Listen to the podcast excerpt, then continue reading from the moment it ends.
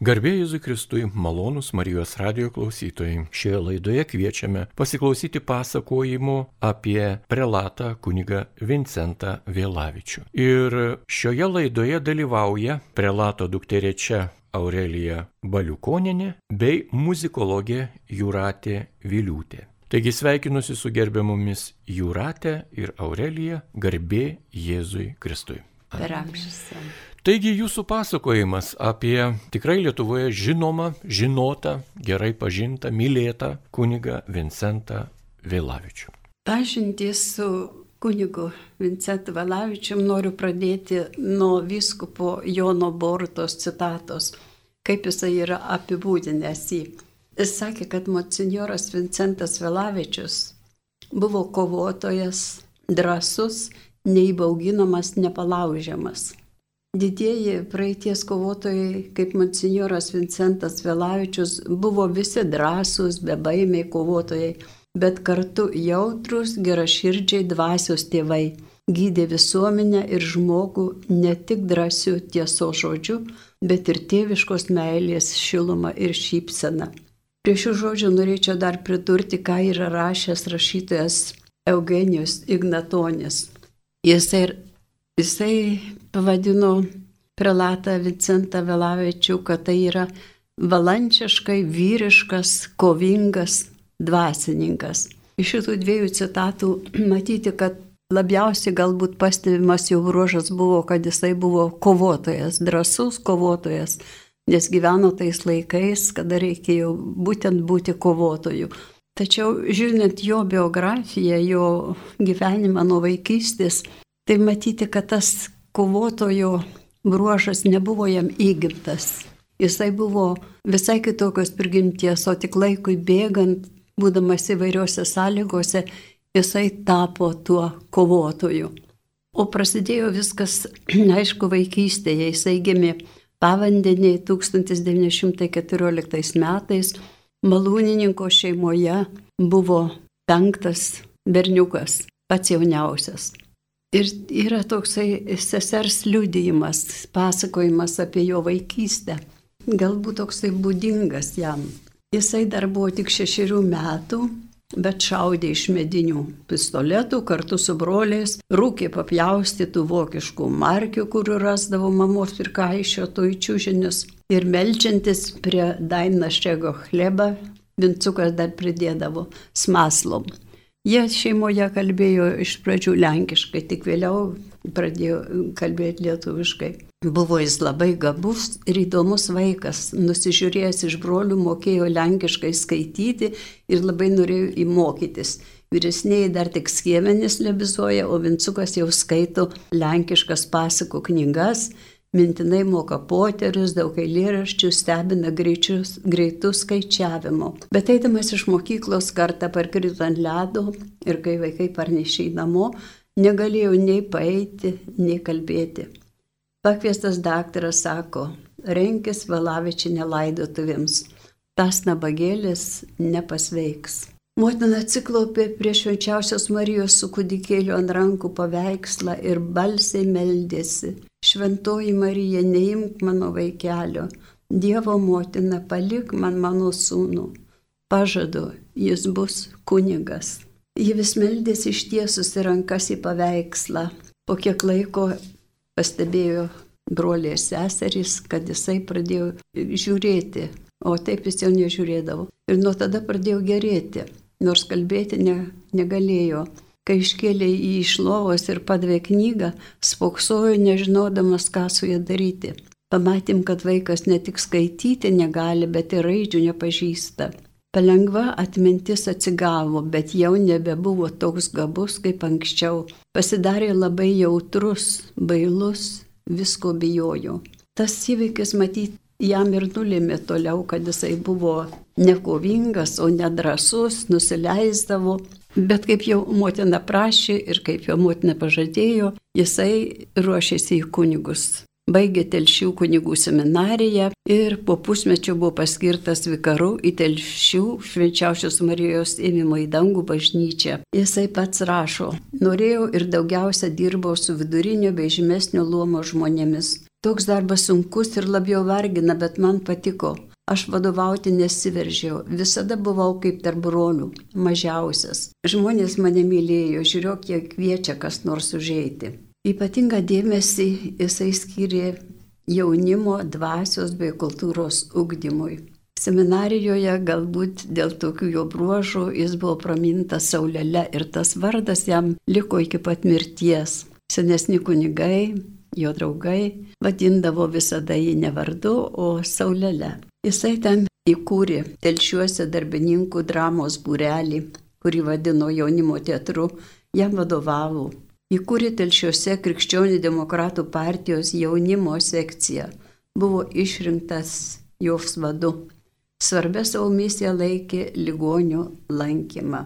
Tačiau neilgai tęsiasi tas toks gražus gyvenimas. Po poros metų okupacija pakeitė valstybės ir žmonių gyvenimą. Ir jisai dar būdamas vikaru telšiuose jau įsijungė į pogrindžio judėjimą. Bet netiko konspiracijai. Pats prisimena, kad gavęs išnešt lapelius slaptus arba kokius dokumentus, jisai įsidėdavo po apsiaustų priglausdavo prie krūtinės ir eidavo aplinkiniais keliais, paežerė, o draugai juokdavosi, sakydavo, kuo tu toks išsigandęs, iš karto matyt, kad kažką neši. Bet telšiuose e, atėjus 1943 metams buvo paskirtas klebonu į laukžemę. Čia jau jisai samoningai įsitraukė į slaptą antinacinę veiklą. Laukžemė laukžemės klebonė tiesiog buvo ryšių punktas Per jį ėjo ir vyriausiojo Lietuvos išlaisvinio komiteto atstovo Algirdo Voketaičio slaptas kelias į Švediją.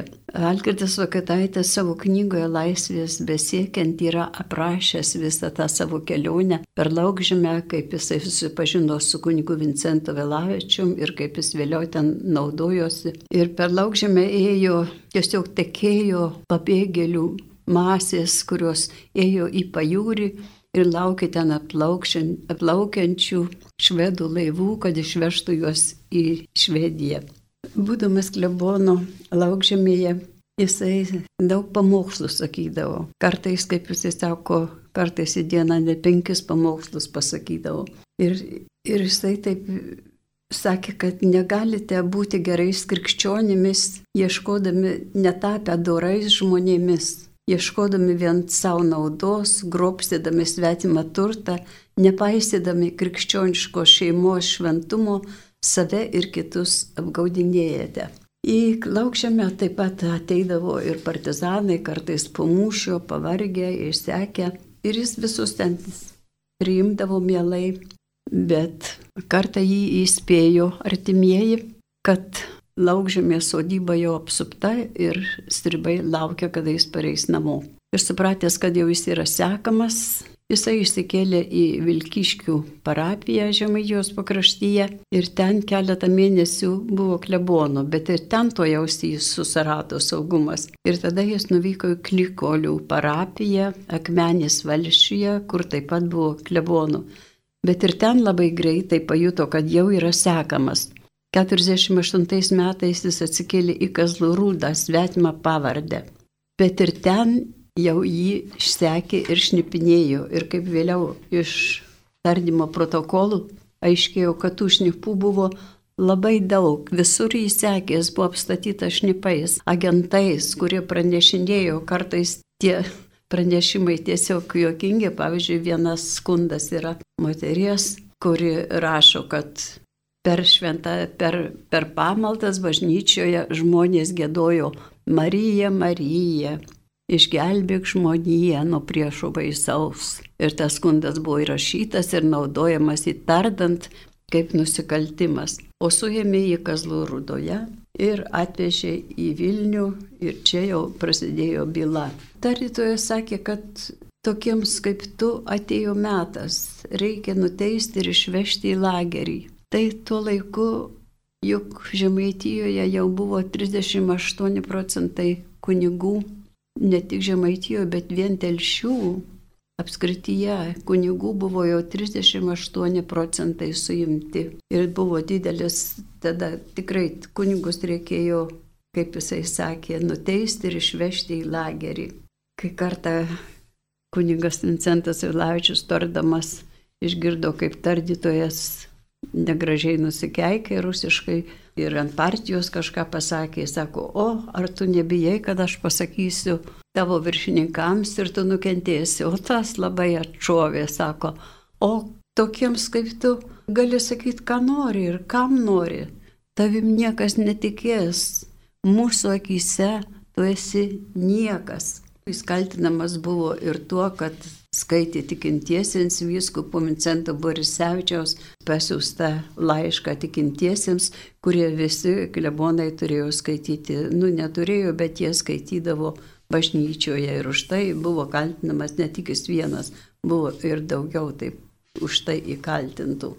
Ir kunigas, jaunas kunigas Vincentas Velavičius buvo nuteistas, bet ne Lietuvoje. Jo bylą išsiuntė į Maskvą ir ten ta čekistų trijulė ypatingasis pasitarimas už akių nuteisė į dešimčiai metų lagerio.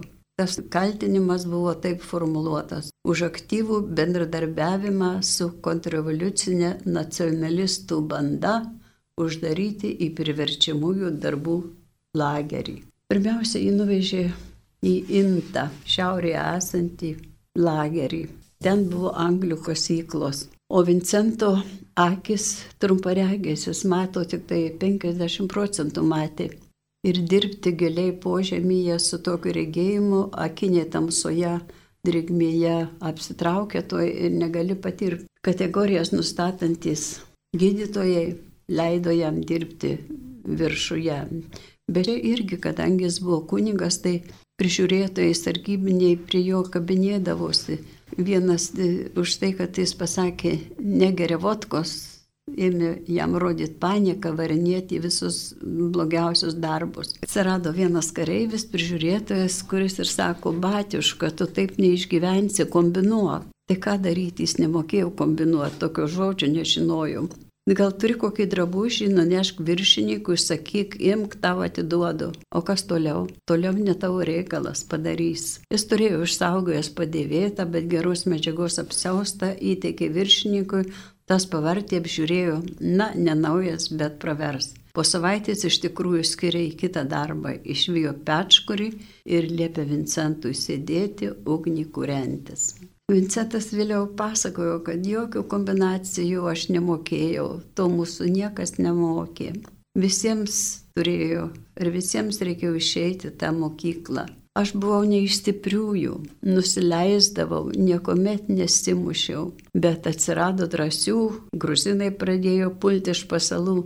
Vėliau politiniai kaliniai susijungė į būrelius, apsiginklavo ir kilo tiesiog karas. Ten labai dabar mums ypač va taip artima, kad tose kovose, kaip Vincentas prisiminė, pasižymėjo labai ukrainiečiai. Jie susivienijo, jie buvo stiprus ir jie padarė tokią liktai užtvarą, kad nepreitų prie kitų kalinių, nespardytų kokiu nors senukų bejėgių. O sužinoję, kad yra tarp jų viskupas, tie prižiūrėtojai, lagerių viršininkai, Jis sakė jam vandenį vežioti. Įkinko penki šešis vyrus į rogės ir tempė jie per naktį pilnas statines. Vincentas negalėjo to pakęsti, kad ir nedrasus, bet jisai pasikalbėjo su savo vyrais lietuviais ir tada Pranciškus Ramanauskas, neturėjęs ne 60 metų, bet jau kaip seneliukas lagerėje, jis tada buvo atleistas nuo to darbo vežioti vandenis. O Vincentas išmoko tylomis ir savo darbą dirbti. Pajuto, jau kunigas gali daryti įtaką. Pradėjo laikyti mišes su lietuviais vyrais, sekmadienį sulipa į antrą gultų aukštą ir meldžiasi. Rusai reikia fašistai, estai žaidžia kauliukais ir garsiai šūkauja, bet daug ir katalikų, ukrainiečių, taip pat graikų, kurie net mišes laikydavo, nes gaudavo siuntiniuose plotkelių ir vyno. Kad ir tokį lengvą darbą gavęs, po pusantrų metų Vincentas Avlavičius pasidarė jau netokiam nebetinkamas. Blausoje atsivėrė negyventi žaizda ir 1950 pavasarį jį išvežė į Abezės invalidų lagerį. Kaip buvo sakoma, Abezė tai mirštančių žemė šešėlių karalystė. Bet Vincentas tenais sutiko pažįstamų kalinių ir jį užrašė į elektrikų brigadą. Jis baigė elektrikų kursus ir gavo elektros monterio specialybę. Ir tada galėjo net išeiti į kitą, ne tik tą savo sekciją, o kitur. Ir nuneždavau ten plotkelių, nueidavau pasikalbėti. Na, aišku, viskas tai yra buvo slapta. Slapta dirbo ir kiti kunigai. Vaiskupas Pranciškus, Pranciškus Ramanauskas parengė ir labai slapta suteikė kunigystės sakramentą kunigui Svarinskui, kuris buvo irgi atgabentas į, į Abezę. Svarinskas vėliau sakydavo, kad jį šventinęs ukrainiečių vyskupas Georgijus Lakota, miręs lageryje, o vėliau paskelbtas palaimintoju. Tikinčiųjų lageryje buvo daug, mena Vincentas, ir jie prašydavo, kad klausyčiau iš, iš pažinčių, ypač prieš Velykas, nes lageryje juk nuolat būdavo vagysčių, abirnai kas nors apsivogdavo. Lenkai, vokiečiai, katalikai labai prašydavo iš pažinties. Vokiečiai rusiškai menkai mokėdavo. Jų lageryje buvo labai daug, visi karo belaisviai pavirsti vergais. Lenkiškai išmokėjau, tai rusiškai susikalbėdavo, o vokiečių, kai buvau apleidęs seminarijoje, teko pasitaisyti lageryje. Kai tarptautinis raudonasis kryžius pradėjo į lagerius siuntinius siūsti, vokietukai truputį atsigavo. Tačiau supratę, kad karo belaisvius teks gražinti, rusai pavertė juos vagimis, žulikais apkaltina pavyzdžiui išmainius milinę į duoną ir nuteisė 25 metams už valstybės turkto išvaistymą. Kai kartą jau paklausiau, ar sakėt lageryje pamokslas, jis sakė, pats gyvenimas ten buvo pamokslas. Lagerininkų atmintyje Vincentas paliko tokį savo atvaizdą. Buvo labai energingas, judrus ir veiklus, geras organizatorius, tikras kunigas misionierius Jis visą laiką dirbo pastoracijos darbą, beveik kasdien klausė iš pažinčių. Lakerininko atmintyje kunigas Vincentas paliko tokį savo atvaizdą. Buvo labai energingas, judrus ir veiklus, geras organizatorius, tikras kunigas misionierius. Jis visą laiką dirbo pastoracijos darbą, beveik kasdien klausė iš pažinčių, sekmadieniais barake ant gultų laikydavo mišes, dalydavo šventą komuniją, aiškindavo tikėjimo tiesas, lankydavo ligonius. Už visą tai ir už gerą draugišką būdą kunigas Vilavičius buvo visų lagerio kalinių, lietuvių ir nelietuvių, tikinčiųjų ir netikinčiųjų gerbiamas ir mylimas. Tokius žodžius patvirtina ir kunigai Vilavičiui kalinių išdrošti, nukalti, pasiūti, išsivinėti liturginiai. Tie jo daikteliai, mažyti taurelė, pusantro centimetro skersmens ir 3 cm aukščio ir patena 3 cm skersmens, bet to dar kalinių padaryta maldų knygelė, kur pieštuku mažutėlėmis raidelėmis įrašytos kalinių maldos, įrašytos ir tabokinė iš medžio išdrošta, kurioje kunigas, kaip jisai pats pasakoja, tą tabokinę į dugną įdėdavo popierėlėje įviniotą komuniją o ant viršaus užbardavo tabako. Nes nors tarkyba ir labai krėsdavo, žiūrėdavo sesiulės, bet tabako nedrausdavo. Tai tai jisai taip išneždavo komuniją ir padalindavo kitiems. 1953 m. rudenį Vincentą išvežė į priverčiamojo darbo lagerį Mordovijoje. Iš elektriko jis persikvalifikavo iš šaltkalvį. Bet kaip pats sako, dabar jau buvau senas lagerininkas, išbuvęs šiaurėje, ištvėręs ten penkerius metus, tokio jau niekas nepastums, jo charakteris grūdinosi. Ir jisai pradėjo mišes jau laikyti, suruoždavo kučias, laikydavo mišes ir daug gėdojo, sudarė stiprų chorą, įgyjo teisę koncertuoti kitiems. Atvyksta kitur, gėda, paskui patiliukais pasikalba apie tikėjimą, pasikeičia laiškais, rašteliais kaip jisai sako, stengdavosi būti kuo arčiau jaunimo, tvirtinti jų tikėjimą, kelti nuotaiką. Jaunam žmogui lageryje ypač sunku. Norėčiau pacituoti čia, ką yra pats kunigas Velavičius užrašęs savo, jisai ruoždavosi pamokslams ir užsirašydavo pagrindinės mintis ant savo tokių lapelių, užrašų. Tie lapeliai yra likę ir visi tie jo daikteliai, kuriuos liturginiai, apie kuriuos minėjau, ir šitie lapeliai, viskas šiuo metu yra atiduota į genocido centro muziejų. Taip kad dabar čia jo pačio mintis. Ko vertas žmogus atsisakęs sielos? Mes ne tik matome, bet ir skaudžiai patyrėme tokio bedvasio žmogaus darbus Besėlis žmogus jau čia žemėje sukuria pragarą. Pavojus didelis ir realus. Tik vienas Dievas savo malonę gali mus išgelbėti. Mes tikintieji turime žengti gyvenimo keliu su pirmųjų krikščionių drąsa ir jaunatvės energija. Juk mes grumėmės dėl Dievo karalystės žemėje. Mūsų pusėje tiesa. Laimės gėris ir pergalė bus mūsų. Mūsų kovos vėliava yra bedėmių, nesi iškelta ne žmogaus, bet Dievo rankomis. Ir plėsuos lygi visuotinio pasaulio grįžimo į Dievą.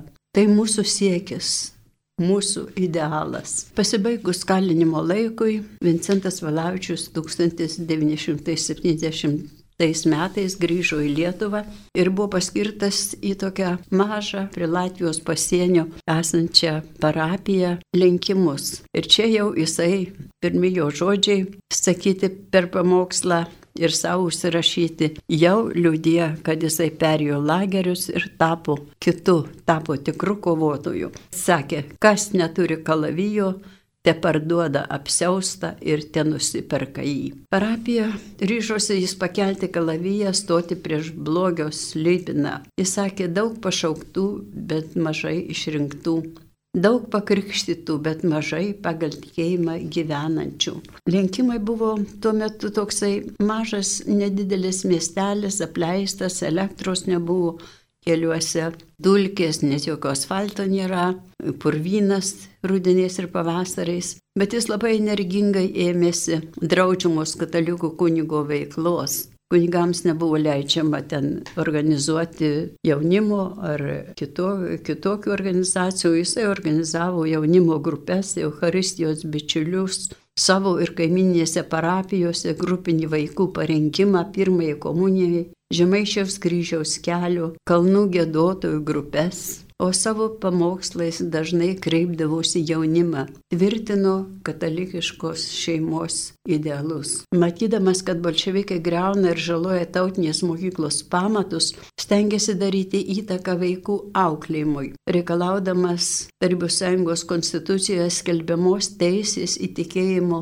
laisvę. Rašė raštus ir vienas iš jų parašytas generaliniam partijos sekretoriui Griškevičiui, Tuo laiku 72 metais pasirodė katalikų bažnyčios kronika ir jisai straipsnių nerašydavo, bet jisai rašydavo tokios tokios, duodavo žinias apie visokius nusižeidimus. Ir štai jisai parašė tokį raštą Lietuvos komunistų partijos sekretoriui Petrui Griškevičiui, kuris buvo atspausdintas kronikos 50-ame numeryje. Jis taip skamba. Skaudvilės vidurinėje mokykloje buvo surenkti du ateistiniai renginiai, kuriuose prievarta buvo verčiami dalyvauti aukštesnių klasių tikintys vaikai.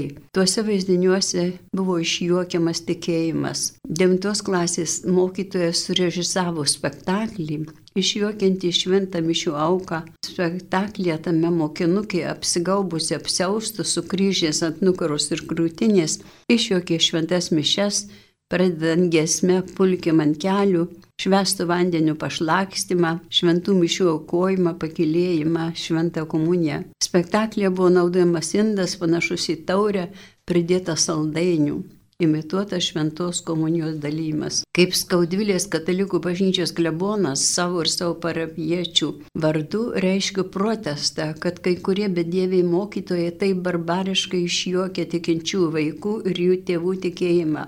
Toks moralinis vaikų lošinimas yra daug blogesnis dalykas už fizinę bausmę. Prašau sudrausti įsisiautėjusius skaudulės vidurinės mokyklos bedievis ir imtis visų priemonių, kad panašus renginiai nebepasikartotų, nes jie nedaro garbės nei ateistams, nei tarybų valdžiai. Apie tai, apie jo bendravimą su jaunimu kuri tiesiog patyrė pati, mums papasakos dabar Aurelija Baliukonienė. Sveiki visi, norėčiau pradėti pasakojimą nuo atsiminimo maždaug 1980 metai, gal 82, buvau dar vaikas ir senelių namuose įstrigo susitikimas, kai viešėjo kunigas Vincentas Velavičius. Jis buvo labai linksmas, nuoširdžiai juokėsi, bet net ir vaiko ausis sugebėjo fiksuoti, kad pokalbiai svetainėje vyko rimti.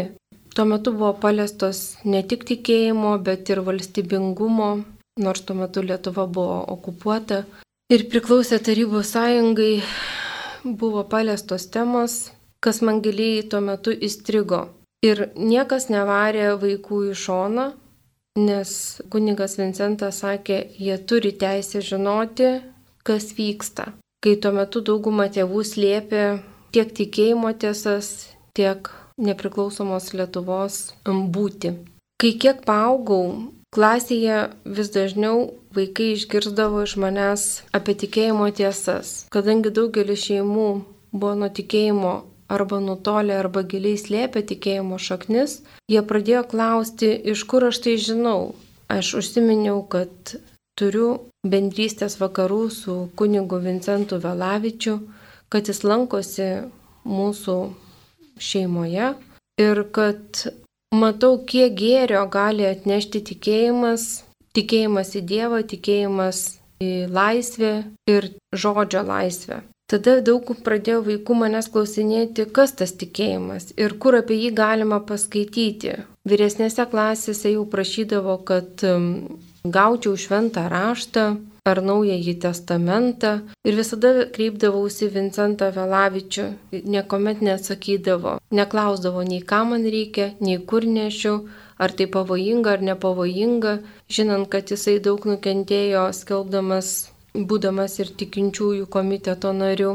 Kai buvau 11 klasiai, keletas klasiokų paklausė, ar galėtų priimti pirmąją komuniją. Nelabai tarybiniais laikais buvo tai įmanoma tiesiogiai padaryti, viskas vykdavo tik pogrindyje, kažkas išmokindavo, kažkas slaptai suteikdavo, bet jau artėjo pirmieji laisvės pranašai ir vyresni, vyresnių klasių moksleiviai jautė, kad atsiranda galimybė, atsiranda galimybė tikėti, tikėti į Dievą ir taip pat daugiau apie jį sužinoti. Kas yra tikėjimas, kuris veda, ką jisai suteikia kaip žmogui.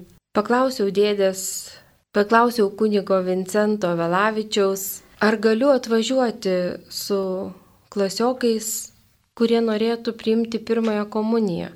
Jis nu, nusišypsojo ir pasakė, kad mielai, tik žinoma turėčiau juos išmokinti pagrindinių tikėjimo tiesų.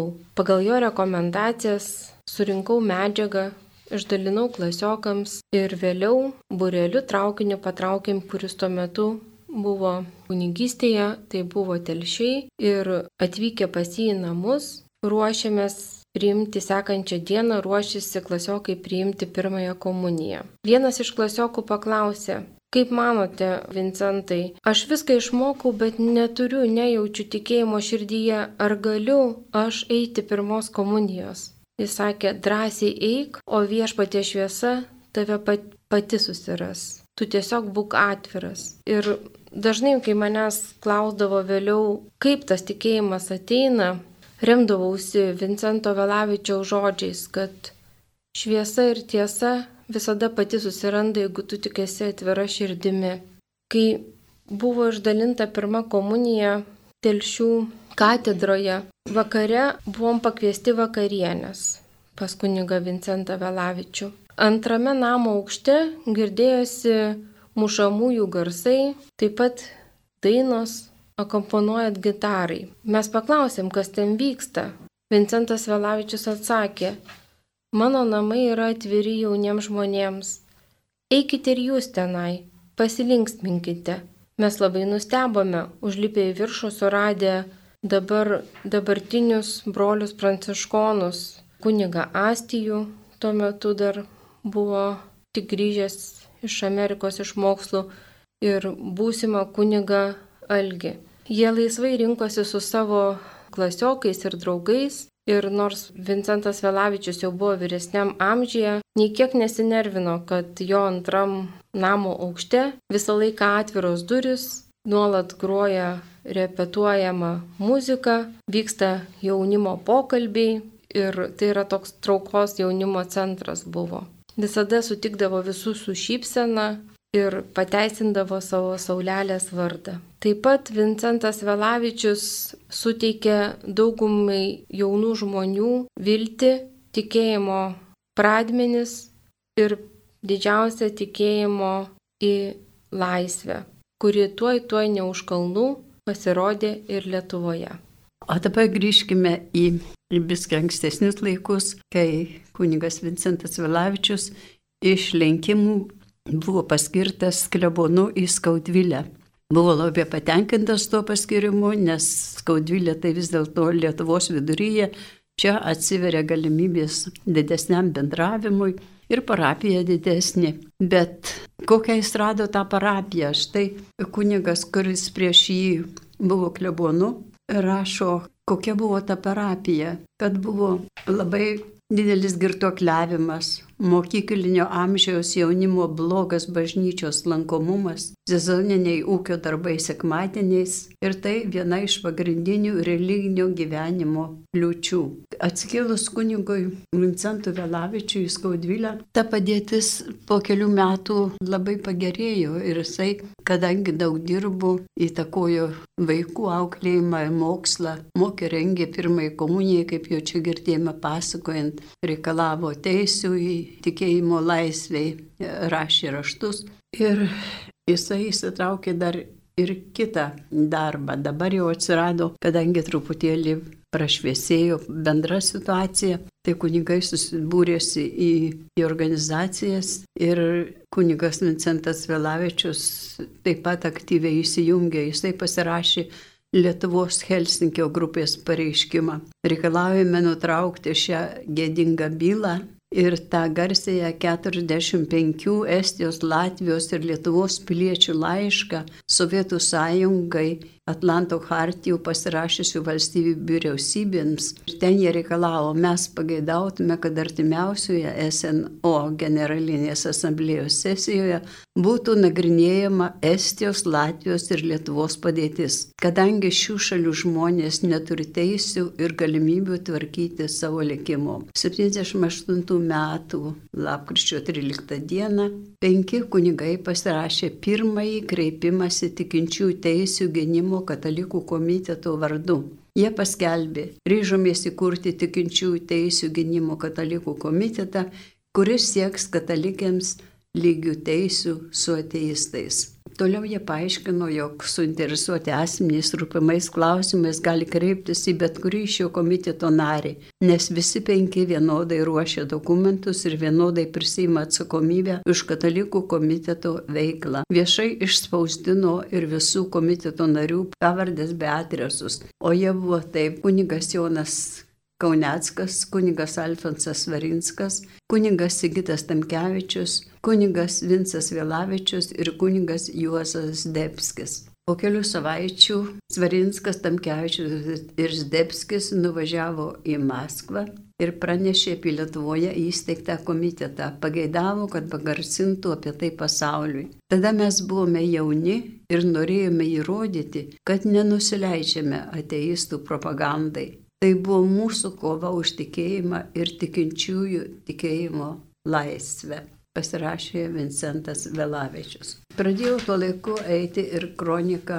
Ir Vincas Vilavičius, kaip pats prisiminė, sako, gaunu iš Sigito Tamkevičiaus naują numerį kronikos, tuoj duodu savo šeimininkėliai, tada pasišeimininkavo trimtinių dukra Aldutė Mantvilaitė, kuris spausdindavo mašinėlę tuos visus kronikas. Jie gauna vieną egzempliorių, jinai perspausdina ir jie paskui dalina toliau. Ir kaip prisiminė Aldutė, pasakojo, kad jie labai buvo persekiojami. Kartą tai kunigo Vėlavičių net langus išdaužė. Ateidavo į namus, klausinėdavo, žiūrinėdavo, bet jie neturėjo įrodymų. Jautė, kad taip yra, bet neturėjo įrodymų, nes jie savo mašinėlės, net mašinėlės keitė, šifrus keitė. Ir gal galia spausdintavo ne namuose, aldutė neždavo pas save į namus. Ir tokios visos kunigo Valavičiaus pastangos šviesti, kovoti už savo tikinčiųjų teises ir, ir už jų tikėjimą, davė pastangų. Čia, ką pasakojo Aurelija Balikoninė, tai galima pasakyti ir apie skaudvilės jaunimą. Ta skaudvilė, kurioje seniau buvo girtokliaujama, tik tai toks tamsus buvo miestas, tai kunigui Velavičiui švenčiant savo 40-asias kunigystės metinės įskaudvilės bažnyčioje. Mišiuose dalyvavo visi vidurinės mokyklos abiturientai. Daug ten buvo, jų yra fotografijos, visi jaunuoliai jau buvo tikintys, visi atėjo į tas iškilmes, dalyvavo procesijose procesijoje, o paskui visi nusifotografavo su kunigu Vincentu Vėlavičium, tai yra jų klebonų tada. Ir dar išėję į gyvenimą jie palaikydavo draugystės ryšius, palaikydavo ryšius kažkaip taip. Būnant skaudvilėje, kunigui Vincentui Vilavičiui ir kitiems draugams pasinamuose kartą atėjo mintis atkurti krikščionių demokratų partiją. Jie tada po savo ginčių, po pasitarimų, tada jie paskelbė viešą pareiškimą. Remdamiesi 89 metų vasario 10 dienos sukurtos Lietuvos krikščionių partijos grupės Brandolio rezoliuciją, skelbėme, kad atgaivinama Lietuvos krikščionių demokratų partija. Lietuvos krikščionių demokratų partijos garbės nariai yra kardinolas Vincentas Latkevičius ir vyskupas Antanas Vaičius. Tačiau neturėjo sėkmingos eigos šitą partiją, kilo tarpusavio ginčiai ir kunigas Vincentas Malavičius nuo jos pasitraukė. Žiūrint į jo gyvenimą, atrodo, kad nepriklausomybės laikais, kai jau buvo paskelta nepriklausomybė, jo kalavijas kiek atšipo, ištrauko iš jo laiško seseriai. Mes, kurie dar tebe gyvename šioje žemelėje, susenome, sulinkome Juk ir šventam rašte parašyta, kad sulaukus 80 gyvenimas vien vargas ir skausmas. Mūsų tikėjimas moko, kad gyvenimas mirtimi nesibaigia, yra dar amžinybė, kur nebebus mirties, nei liūdėsio, nei skausmo, nei aimanos, kur gerasis Dievas kiekvienam nuo akių nušluostys ašaras. Aš gyvenu daugiausia vaistų stiprinamas, kojos vis labiau skauda, bet ačiū Dievui už viską. Svarbiausia su Dievu išsilaikyti vienybėje. Viešpats Dievas yra mūsų prieklauda ir stiprybė visuose mūsų varguose ir kentėjimuose. Net ir mirtyje mes neprarandame vilties, tikėdami amžinų prisikėlimu. Tai yra iš laiško rašyto seseriai. Mirė monsinjoras Vincentas Valavičius 997 m. vasario 21. Pašarvotas buvo telšių katedroje. Tris dienas parapiečiai meldėsi, kunigai aukojo šventas mišes, sakė pamokslus, dar nedvasingai skambėjo klierikų gėdami žemaičių kalnai. Prelatas Vincentas Velavičius tarsi saulutė šildė, glaudė, guodė, stiprino ir ramino kiekvieną pakelį sutiktą. Jis tikrai buvo Dievo žmogus. Taip sakė prie jo karsto seselė Nijoli Sadūnaitė. Paskutinius atsisveikinimo žodžius tarė ir Mansijoras Svarinskas. Prelatas Vincentas Vilavičius buvo saulutė ne tik žemaitijos kunigams. Mačiau abezės lageryje Jono širdumą, Dievo ir tėvinės meilę, populiarumą tarp lagerių kalinių. Ir ne vien lietuvių. Žemaičiai kunigai pagristai gali didžiuoti savo saulute. Daugelio atmintyje jis liks kaip šviesus, laisvės kovotojas. Ir vėl pabrėžiama kovotojas. Dar galėčiau pridurti, kad jisai buvo popiežiaus Jono Pauliaus apdovanotas monsinjoro vardu, o po mirties jisai buvo apdovanotas Lietuvos valstybės Vyčio kryžiaus ketvirtojo laipsnio ordino. Tokie apdovanojimai, tokie prisiminimai jį pažinojusiųjų atmintyje. Malonus Marijos radio klausytojai, jūs girdėjote laidą, kurioje apie kunigą prelatą Vincentą Vėlavičių pasakojo liudininkai muzikologė Juratė Viliūtė ir dukterė čia Aurelija Baliukonenė. Likite su Marijos radiju.